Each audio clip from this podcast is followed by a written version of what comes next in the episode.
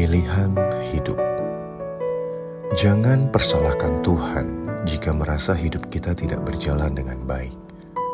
Jangan salahkan orang lain atas ketidakbahagiaan yang kita rasakan. Coba koreksi keputusan yang sudah kita pilih tentang mau jadi apa dan siapa kita saat ini dan nantinya. Apa sudah benar? Atau kok ada kesalahan yang mesti dirubah agar kehidupan kita menjadi lebih baik? Hitam putihnya hidup yang kita jalani saat ini adalah refleksi dari keputusan yang kita pilih dan bukan kesalahan orang lain atau bahkan Tuhan. Gelap pasti akan bertemu dengan terang dan rasa kecewa akan segera sirna. Andai saja kita mau berdialog secara bijak dengan diri sendiri. Hiduplah dengan cara yang baik, sebab waktu untuk kita hidup di dunia ini sangatlah singkat. Kita tidak pernah tahu kapan perjalanan hidup ini akan bertemu dengan episode terakhirnya. Selamat malam, nice dreams.